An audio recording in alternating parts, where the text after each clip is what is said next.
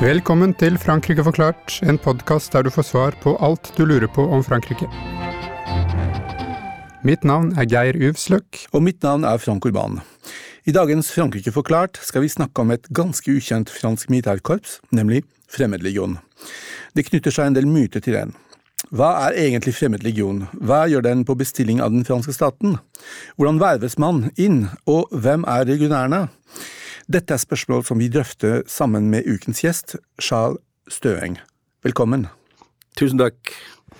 Charles tjenestegjorde i Fremmedlegionen i en årrekke, han pensjonerte seg som 35-åring, og han har i ettertid tatt utdanning innenfor etterretning, antiterror og islamisme. Siden har han vært med på å bygge opp og utvikle Frankrikes største sikkerhetsfirma, som er spesialisert i antiterroraktiviteter for forretningsoperasjoner i utsatte land, hovedsakelig i Midtøsten og Afrika. Charla, eh, kan du først kort forklare hva fremmedlegion er? Ja. Eh, kort sagt eh, så er det to ting. Det, det, er jo først og fremst en, en, en del av den franske hæren. Det er jo en Den er en integrert del av, integrert del av den franske hæren som da fungerer innenfor akkurat det samme rammeverket som den franske hæren. Den er underlagt den franske hærens ledelse den er underlagt selvfølgelig den franske regjeringen, og 90% av vår ledelse er franskmenn. Men det er på den andre siden unik. Den er unik fordi vi har en rekruttering av mennesker fra hele verden. Vi blir da nødt til å skape et samfunn. Eh, vi blir nødt til å skape et brorskap for å få det her til å fungere. Og eh, det er klart at eh, man kan si på en kritisk måte vi er også en, en, en sekt. For vi er en, en, sterk gruppe som lever i et slags parallellsamfunn. Det gjør oss unike i den måten vi, eh, vi utfører våre oppdrag på. Eh, I dag består legionen av ca. 9000 mann fra 145 nasjonaliteter. Vi kan si sånn generelt at eh, 30% av dem er fra Vest-Europa eller fra Nord-Amerika. 25 eh, er kanskje fra, fra Øst-Europa, mot, eh, helt ut til Ural.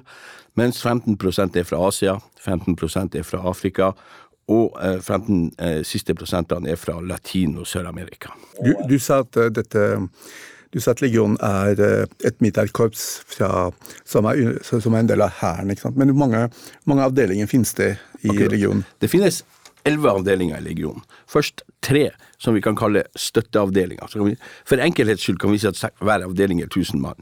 Regnestykket går ikke opp, men det er sånn omtrent. Så vi har tre støtteavdelinger. En som er et hovedkvarter, som tar seg av administrasjon og, og støtte. En som er et skoleenhet, hvor all utdanning foregår. All lederutdanning, all typer utdanning foregår der. Og en rekrutteringsavdeling, som da rekrutterer folk inn til legionen. Og så har vi seks det vi kan kalle operasjonelle stridsenheter, som da er basert i Sør-Frankrike. Det er nok en gang grupper på ca. 1000 mann som har hver sin spesialitet. Vi har et fallskjermjegerregiment, vi har et kavaleriregiment, vi har to infanteriregiment, og vi har to ingeniørbataljoner. Det er da de som driver med støtte og miner og sånne ting. Eh, I tillegg til det så har vi to permanente utenlandsavdelinger. En på Mayotte i Det indiske hav, hvor den representerer Frankrike i alle de småøyene som finnes for Frankrike i Det indiske hav. Og så har vi et, eh, en enhet i fransk Guyana, som da er spesialisert på jungelkrigføring, og som, eh, og som har som ansvar da, grensene til det franske Guyana, samtidig som man har ansvaret for sikkerheten til Eh, romsenteret der, hvor, hvor, da europeiske romforskningsinstitutter ja, sender opp uh, raketter da, eller til å sette satellitter i, i bane. Mm. Så det er, er legionen i dag. Og Du har jo selv vært legionær i mange år. Liksom. Hva, er ditt, hva er ditt person i forhold til legionen? Altså, du vervet deg, du steg i gradene. og Hvis ikke jeg tar helt feil, så, så tjeneste, du tjenestegjorde mellom 1985 og 2000. Hva var det som motiverte deg til å verve deg inn i legionen, og, og, um, og hva, kan du fortelle litt om dine ulike funksjoner der? Ja, jeg, jeg var egentlig en vanlig norsk 19-åring. Riktignok nordlending, men bortsett fra det ganske norsk. Og hadde vel egentlig litt eventyrlyst. Leste en del bøker som kom ut på, det, på 80-tallet om legionen. Ble veldig fascinert. Uh, og um, reiste jo egentlig bare for å se. Jeg hadde jo ikke noe tro om at jeg skulle bli tatt opp, eller at jeg skulle bli akseptert. Jeg fortalte ingen om det, og liksom skulle bare der. Og, sånn. og så sto jeg der med skjelvende knær da, på, på rekrutteringskontoret i, i Strasbourg, og, og, kom inn og, og, kom inn i et system hvor uh, plutselig uh, så ble nesten alle andre kasta ut, og jeg ble sittende igjen. og jeg trodde jeg skulle hjem, men det var faktisk bare to av oss som ble akseptert. Og da begynte det livet. Um, eh, som, som, egentlig Det gikk veldig raskt, de her 15 årene. Jeg gikk gjennom rekruttskolen. Etter rekruttskolen måtte jeg gjøre en, en, et par nye rekruttskoler som, for å, å, støtte dem som begynte på nytt. Noen blir utvalgt til å gjøre det liksom som instruktør. Og så øh, kom jeg da inn i uh, kavaleriregimentet, hvor jeg da gikk i gradene innenfor en oppklaringstropp. Vi er spesialisert i øh, ørkenoppdrag og langdistanseoperasjoner i ørken.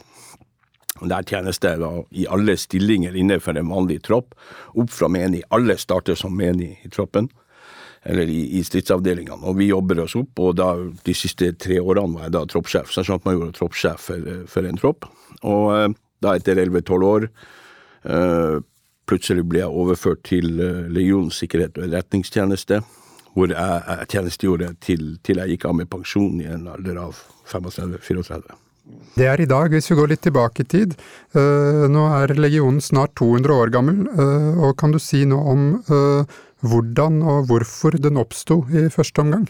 Ja, uh, skal jeg være forsiktig, jeg sitter her med franske historikere, så eh, jeg må jo være Men uh, uh, hvis jeg har lært leksa mi rett, så, så, var det da kong Louis Philippe som i 1830, napoleonskrigen er over, en rekke begivenheter i Frankrike gjør at Frankrike har masse forhenværende soldater, utlendinger, i Frankrike, som de har problemer med å få kontroll på.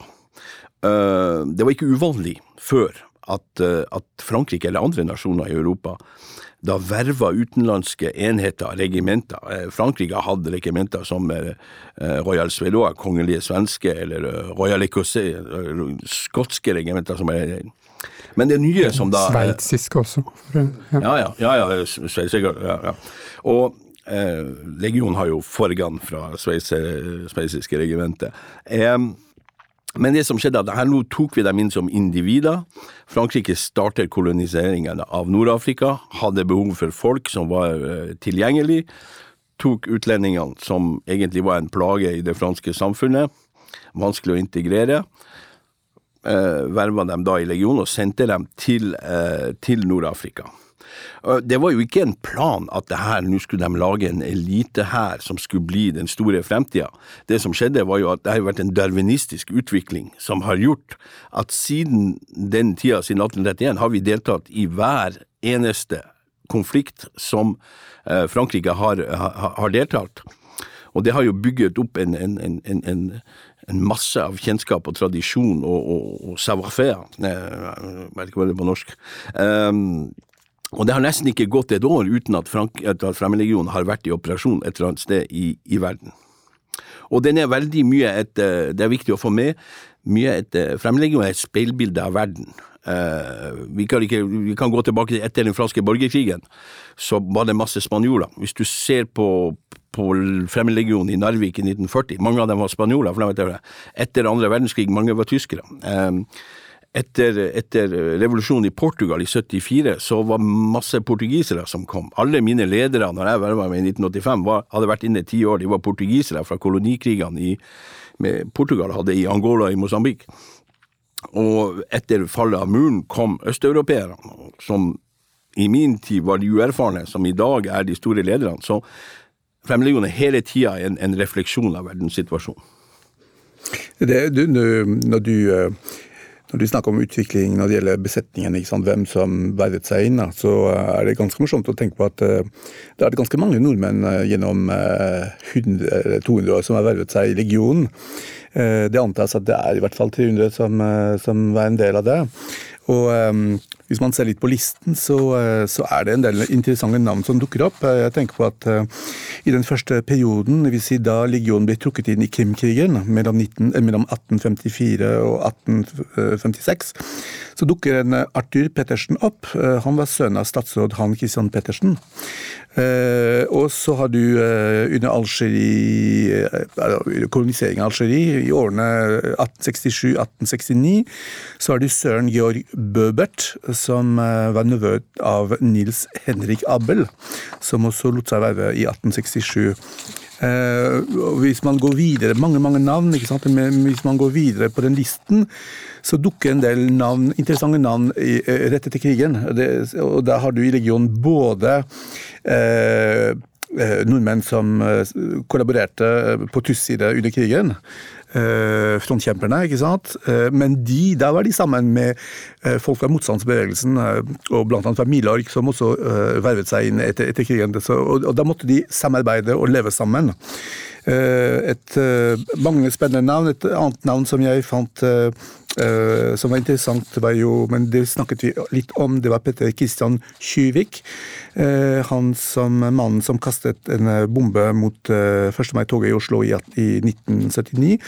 Men det ble en kortvarig karriere etter det du fortalte meg. Og så dukker det opp en Charles Støing etter hvert på lista mi, så, så, det er fortsatt en del nordmenn som, uh, som syns at dette er spennende, og som prøver å være for seg. Ja, det er, det er, det er gjerne det. Eh, det er til enhver tid ca. fem-seks eh, nordmenn i legionen. Eh, dessverre Skandinaver generelt passer ikke inn. Så det er få skandinaver som, som tilpasser seg. De kommer, de kommer inn, holder ikke ut veldig lenge og blir ofte borte. Og det er jo der litt vi får de her historiene av og til i aviser og i ukeblad hvor forferdelig de har hatt det. og alt sånt. De makter ikke presset. Så det er jo litt sånn vanskelig. Men i dag så har vi ei gruppe i Norge på ca. 20 uh, forhenværende legionærer.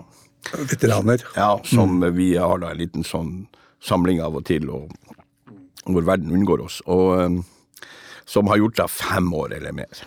Mm. Men du, La oss gå videre med, med, historien. Eh, hvis man ser på legionen over tid, har oppgavene endret seg over tid? Altså, eh, I dag så kjenner vi den best eh, som en type spesialenhet som driver Nå vet jeg ikke, jeg husker ikke ordet på, på norsk. Counterinsurgency. Eh, ofte bak fiendens linjer og på bestilling av den franske staten. Er det andre ting enn hva, hva, er det legionen driver med som rent konkrete oppgaver? Ja, du vet uttrykket counterinsurgency er jo kontrollzone er, er, jo en typisk legionoppgave. Det er nok eh, Legionens oppgave generelt er uendret. Vi har en oppgave som er generell, som er å ivareta franske interesser hvor enn franske regjeringen sender oss, og det gjør vi. Um, men legionen er nok blant de som har oppfunnet uh, counterinsurgency, med Nord-Afrika. Vi har jo vært stort sett, bortsett fra første verdenskrig, andre verdenskrig, så har jo alt vært counterinsurgency-kriger.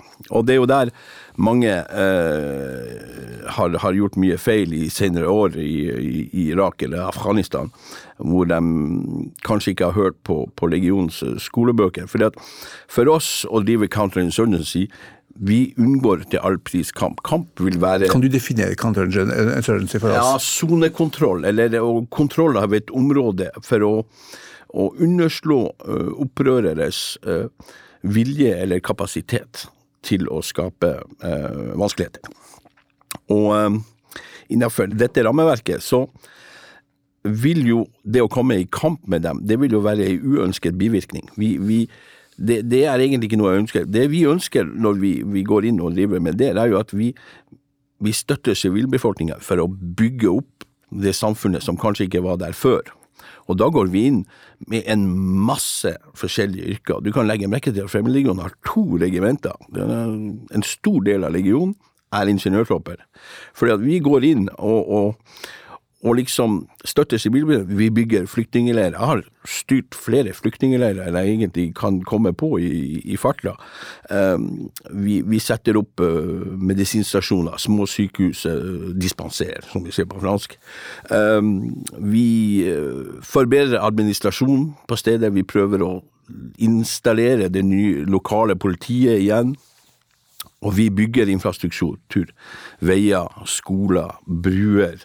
Vi prøver å det er jo vårt uh, counterinsurgency, eller det, det, det, er jo hovedoppgaven. Liksom. Det er jo å komme inn og få sivilbefolkningen med oss for å ekskludere dem som ville være utenfor. Kan du snakke litt om uniformen, altså gala-uniformen til legionen? Hva, hva, for det, det, det, du forteller, ser man på uniformen. Hva er det som er så spesielt med uniformen? Ja, Det, som skjer, du, du, snakker her om det vi kaller pioner. Ja. ja.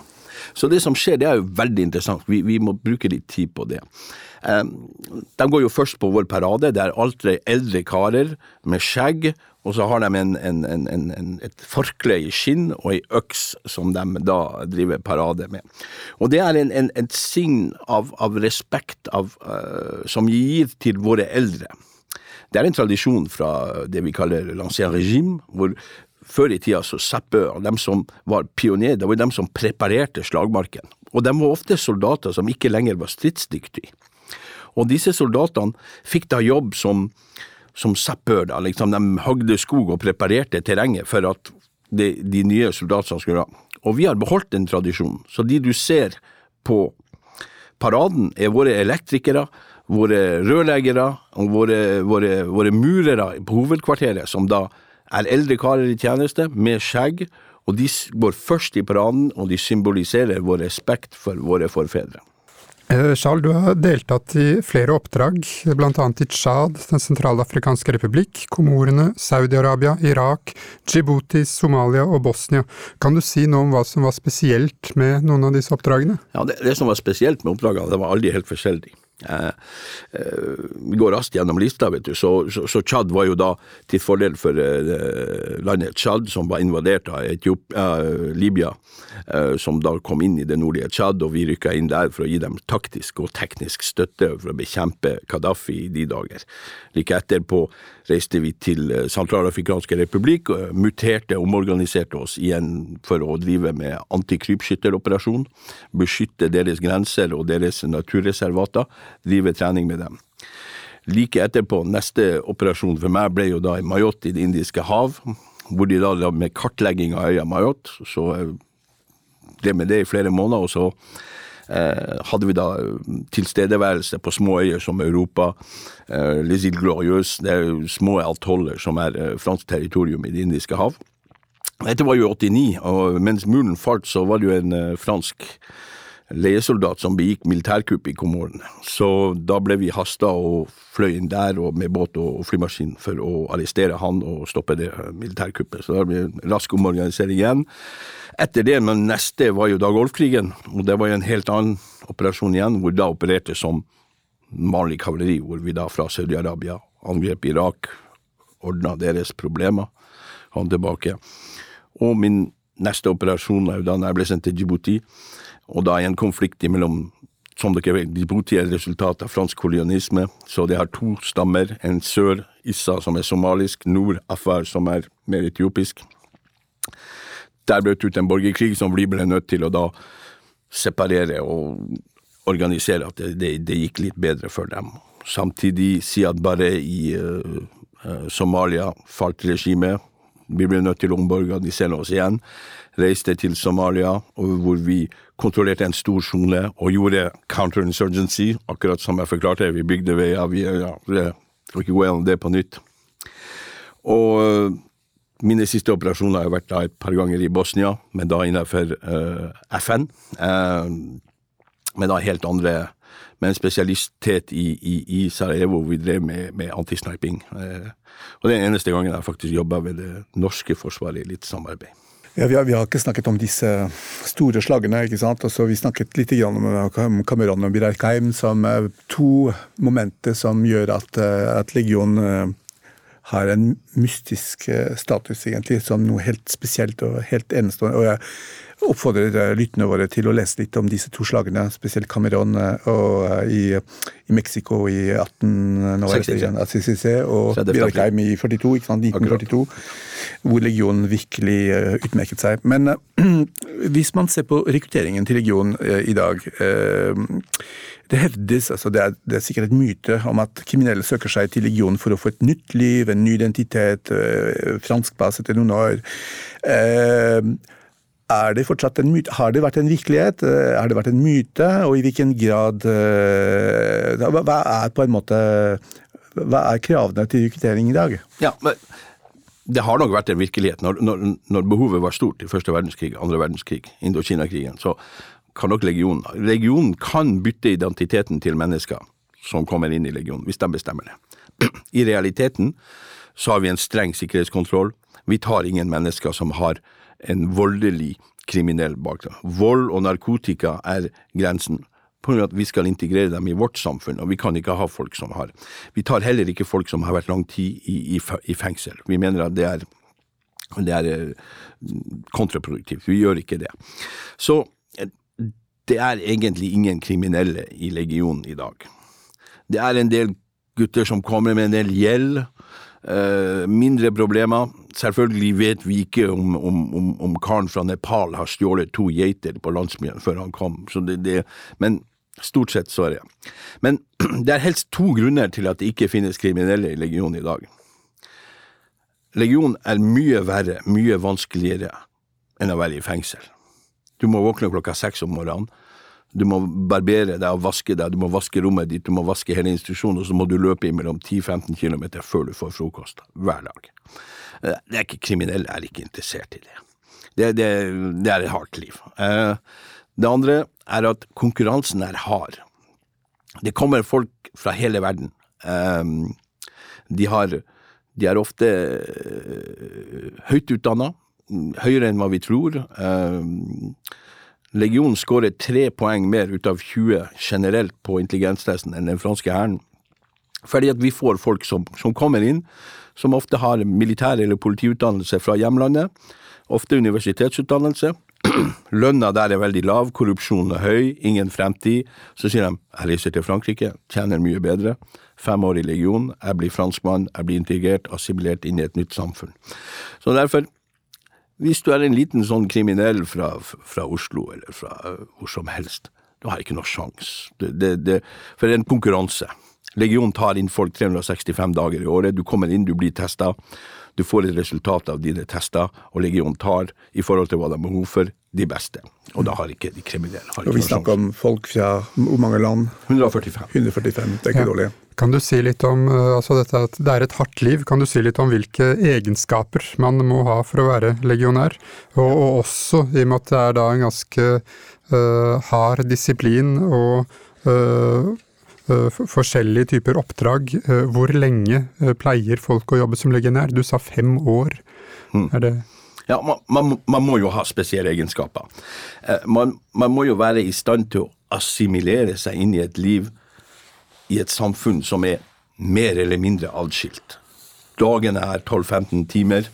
Eh, det er et hardt arbeid, og vi lever sammen. Vi jobber sammen, vi går på ferie sammen. Vi har jo utrolig lite fritid, og den lille fritid vi har, eh, kommer vi ut, vet du, og i Sør-Frankrike så blir vi veldig raskt misbrukt av unge eventyrlystne kvinner som vil dra fordel av våre kropper. Så vi, vi er jo nødt til å trekke oss tilbake i det her eh, samfunnet vårt for å, for å beskytte oss. Vi snakker om menn, for det er ingen kvinner i legionen, ikke sant? Det er ingen kvinner i legionen. um, og, eh, så, så, det er et veldig, veldig vanskelig Så det har en streng disiplin, men disiplin, det er veldig interessant å, å, å se på hva disiplin er. Disiplin er jo et rammeverk. Og så fort du forstår at hvis du holder deg innafor det rammeverket, hvis du aksepterer det evangeliet som er våre tradisjoner, våre måter å gjøre ting på, våre måter å funksjonere, og hvis du er innafor, så er religion helt grei. Hvis du liker å våkne om morgenen og gå en løpetur på en time, og, og jobbe hele dagen og gjøre ting som er interessant, og, og, og ha et liv i 200, så er ikke den disiplinen et problem. Disiplin blir et problem når du ikke er med når du lengter hjem. Når du sier hvorfor, det være? hvorfor er det ikke rettferdig? Det er et problem nordmenn har. Hvorfor er det ikke rettferdig? Verden er ikke rettferdig. Og da, da, blir det vanskelig for dem, vi klarer ikke å akseptere det, og så detter de av lasset. Når det kommer til trening og, og, og, og fysisk form, så har jo legionen en, en, del minimumskrav for å bli tatt opp, selvfølgelig, men du har ikke noe valg. Det er din ledelse. Jeg var ledelse for en plopp av 30 mann. Det, det er mitt ansvar at mine legionærer skal være i et nivå som er i form. Eh, det, ingen i ledelsen kommer til å kjefte på en legionær. Jeg får kjeften. Det er mitt ansvar. Hvert eneste nivå av ledelse har ansvar for alle under seg.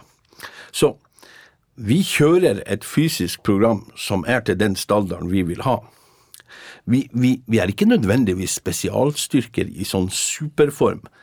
Når du skal drive med virkelig det, det, det ser bra ut på film, men det du må gjøre i virkeligheten, det er jo når du setter det ut på en klokkekurve, så må du jo Det er det svakeste leddet som, som sprekker, så du må jo bringe alle opp til et bra nivå, i stedet for å ha én supermann. Og det er ledelsen sitt ansvar. Så du kan ha dine egne ideer om hvordan du skal trene, det, det kommer ikke til å bli aktuelt. Du, du blir kjørt i et system. Uh, en ting vi ikke har snakket om ennå, er uh, dette uh, brorskapet som man ofte uh, tenker på, eller som man har hørt om når man snakker om legionen. Altså at de uh, uh, du, du, sa at det, liksom, det er et eget samfunn, og hvordan får man individer med ulik bakgrunn, språk og kultur til å bli et kollektiv som jobber mot samme mål? Veldig interessant spørsmål, og det, det er vel nøkkelen til det, det, vi skal snakke om i dag. Vi starter jo med et enormt handikap. 145 nasjoner, alle farger, religioner, kulturer, sosiale bakgrunner, og så blander vi dem i hop. Vi vet fra utviklingslæren og fra psykologien rundt utviklingslæren at menn, unge menn og gjerne litt yngre, mindre unge menn, eh, de er motivert. De kan gå i krig for to ting. Tilhørighet og status. Det er hva menn har behov for. Og det gjør vi. Vi gir dem en tilhørighet gjennom et grorskap, en nasjon, med tradisjoner og en historie. Vi har sosiale konstruksjoner, akkurat som en nasjon, som gjør at vi kan bygge et samfunn hvor vi holder oss sammen. Og vi gir dem en status gjennom en anerkjennelse i legionen. Hvis du leverer det vi forventer, så får du anerkjennelse. Og da blir jo det en konkurranse mellom alle de her, for å få anerkjennelse, for å få være sin plass i det herre få en plass i det her brorskapet som, som egentlig er kostbart. Og, og, medlemskap som ikke er kostbart, er ikke verdt noe. Så, så det er en, en, ting vi bygger på. Og det gjør vi gjennom grunnutdannelsen, som varer ca. fem måneder. Vi driver ikke med fine klasserom og powerpoint. Sånn her. Vi tar en tropp på ca. 30-40 mann, som er da et kull som vi tar inn. Vi tar dem ut på en gård langt ut i, i, i, i Pyrenees, som det er eh, helt forferdelig. Det er kaldt når det er varmt, og det er varmt når det er kaldt. Uh, og vi, vi bryter dem ned. Vi bryter aldri ned mennesker individuelt. Det er kontraproduktivt, det skader dem, det ødelegger sinnet. Men når du tar en gruppe fra hele verden og bryter dem ned sammen, kollektivt, så blir de trykket ned kollektivt til de vet at de er verdt mindre enn minst, men sammen. Og da Selvfølgelig hjelper jo disse til å bygge fysisk styrke. Det enorme presser uh, forbedrer det, det, det mentale, det kognitive immunforsvaret, som gjør at de klarer å beherske bedre situasjonene, og så bygger vi dem opp. Nå har dere vært veldig dårlig, nå bygger vi dem opp. Så gir vi dem kunnskaper, vi gir dem eh, anerkjennelse, vi gir dem tilhørighet, innenfor det rammeverket hvor deres kultur, deres farve, deres har ingen betydning. Og det er slik vi bygger legionæren. det bygger vi grunnstasjoner. Men den, den nye identiteten den, den, krever samtidig én viktig ting. Den krever total lojalitet. Absolutt. Eh, og da tenker jeg på de eh, soldatene i Cameron-slaget i 1863 som eh, måtte som Før det gikk virkelig dårlig, så samlet de, de, altså de samlet og så tok de en ed om at de skulle slå til siste mann, og de skulle okay. dø i kamp ja. for nasjonens skyld. ikke sant? Så det er jo ganske sterkt egentlig å kreve For oppgaven. For oppgaven, ja. For oppdraget. Ja. Mm. Og det er, det, det, det, det er en virkelig uh, viktig del av vår historie.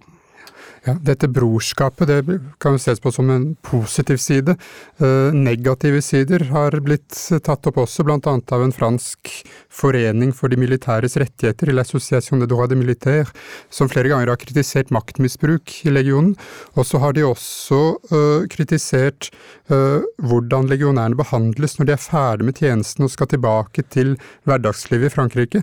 Uh, kan du si noe om hvor lett eller vanskelig det er å gå tilbake til samfunnet og et normalt liv etter flere år i legionen, og hvordan ivaretas tidligere legionærer av den franske staten eller av legionen? Ja, eh, alle kan jo ha en idé om hvordan det er. Vi, vi driver ikke en barnehage. Vi driver verdens mest effektive her, og vi bryr oss overhodet ikke hva assosiasjoner mener om oss. Det er helt interessant. Um, vi Når du kommer tilbake til samfunnet, så blir jo det en veldig, veldig individuell opplevelse. Og vi kan dele den i to. Enten blir du værende i Frankrike, i det franske systemet, eller så reiser du til hjemlandet.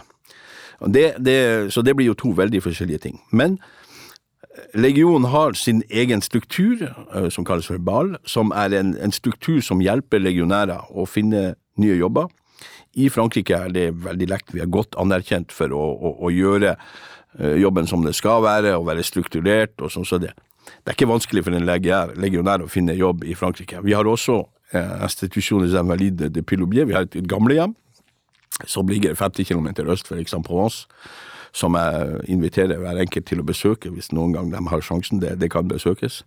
Hvor alle regionære kan, hvis de føler at de ikke kan leve på sine gamle dager, kan bli akseptert der.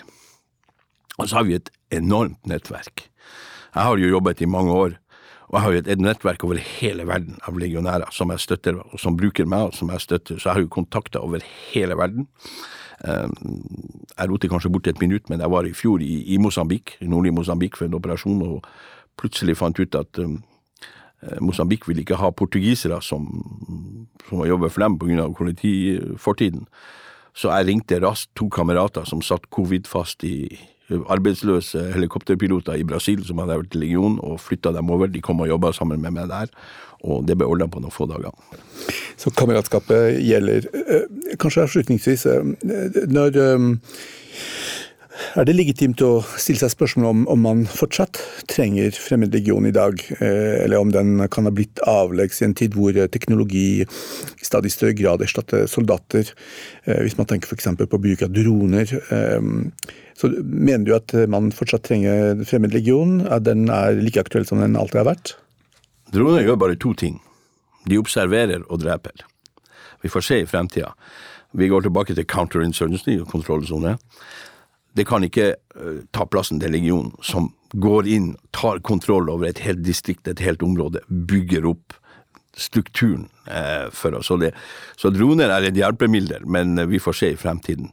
Legionen er veldig fordelaktig for Frankrike. Det er et utmerket eh, verktøy for assimilering. Assimilering er ordet, ja. Det er en utmerket reklame. Eh, det, en, det har så mange fordeler at eh, jeg tror ikke legionen kommer til å forsvinne eh, med det første. På slutten av, vår, uh, av, hver episode så ber vi gjesten vår om å komme med en fransk anbefaling. Hva er din anbefaling til lytterne våre, Charles? Ja, vi har i Norge en, en, en, en veldig kompetent, uh, nøktern og grundig uh, militærhistoriker som heter Knut Flovik Thoresen. Han har skrevet en bok som heter Narvik 1940, Fremmedlegionens kamp for Norge. Den tror jeg er viktig, og i det vi snakker om her, den er veldig bra og nøktern. Og det kommer jo en film uh, første juledag på alle kinoer om kampen eh, i Narvik i 1940. Og Fremmedlegionen deltok jo der, ganske bra i min mening, så vi får se hvordan det utvikler seg. Mm, du nevnte Narvik, men man kunne ha snakket om Birkheim og det er takket være innsatsen i Bergheim at Frankrike fikk en, at sannsynligvis fikk et fast sete i FN med vetorett etter krigen. Absolutt. Ja, Frank, ja. Har du også en anbefaling? Ja, det har jeg, Geir. Jeg har valgt en bok fra 2013 som er redigert av historikeren André Paul Comar. La Légion étrangère, histoire redictionnaire, altså fremmedlegion, historie og ordbok. Eh, boken er skrevet av 50 forskere og er interessant fordi den gir mer en eh, historisk fremstilling av legion. Den beskriver også mer med sosiologisk Norges tilværelsen som legionær, med sine opp- og nedturer, og den er publisert av uh, Robert Laffont, så har jeg en norsk anbefaling. Uh, også Knut uh, Florik Thoresen, bok fra 2017 med følgende tittel 'Nordmenn i fremmedlegion'.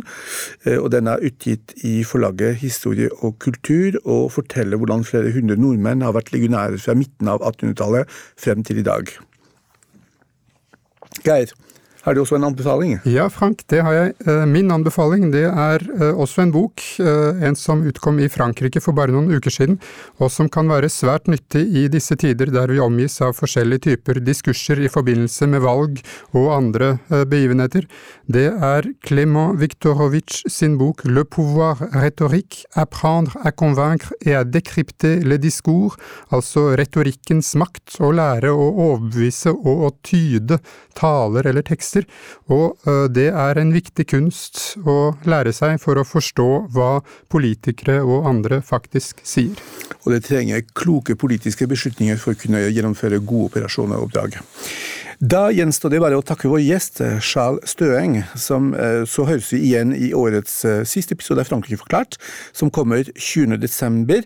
Dette blir en julespesial, og i den anledning så har vi faktisk en liten overraskelse til dere. Vi kan ikke røpe ut noen ting ennå, men følg med, følg med. Au revoir. Frankrike forklart er et samarbeid mellom Universitetet i Oslo og Høgskolen i Østfold. Podkasten er støttet av Det norske universitetssenteret i Paris og Institut Francais i Oslo og har full redaksjonell frihet. Abonner på Frankrike forklart på iTunes, Spotify eller på andre plattformer der du lytter til podkast. Har du kommentarer til oss eller forslag til temaer vi bør ta opp, kan du sende inn det via vår Facebook-side Frankrike forklart. Her vil du også finne referansene som nevnes i dagens episode.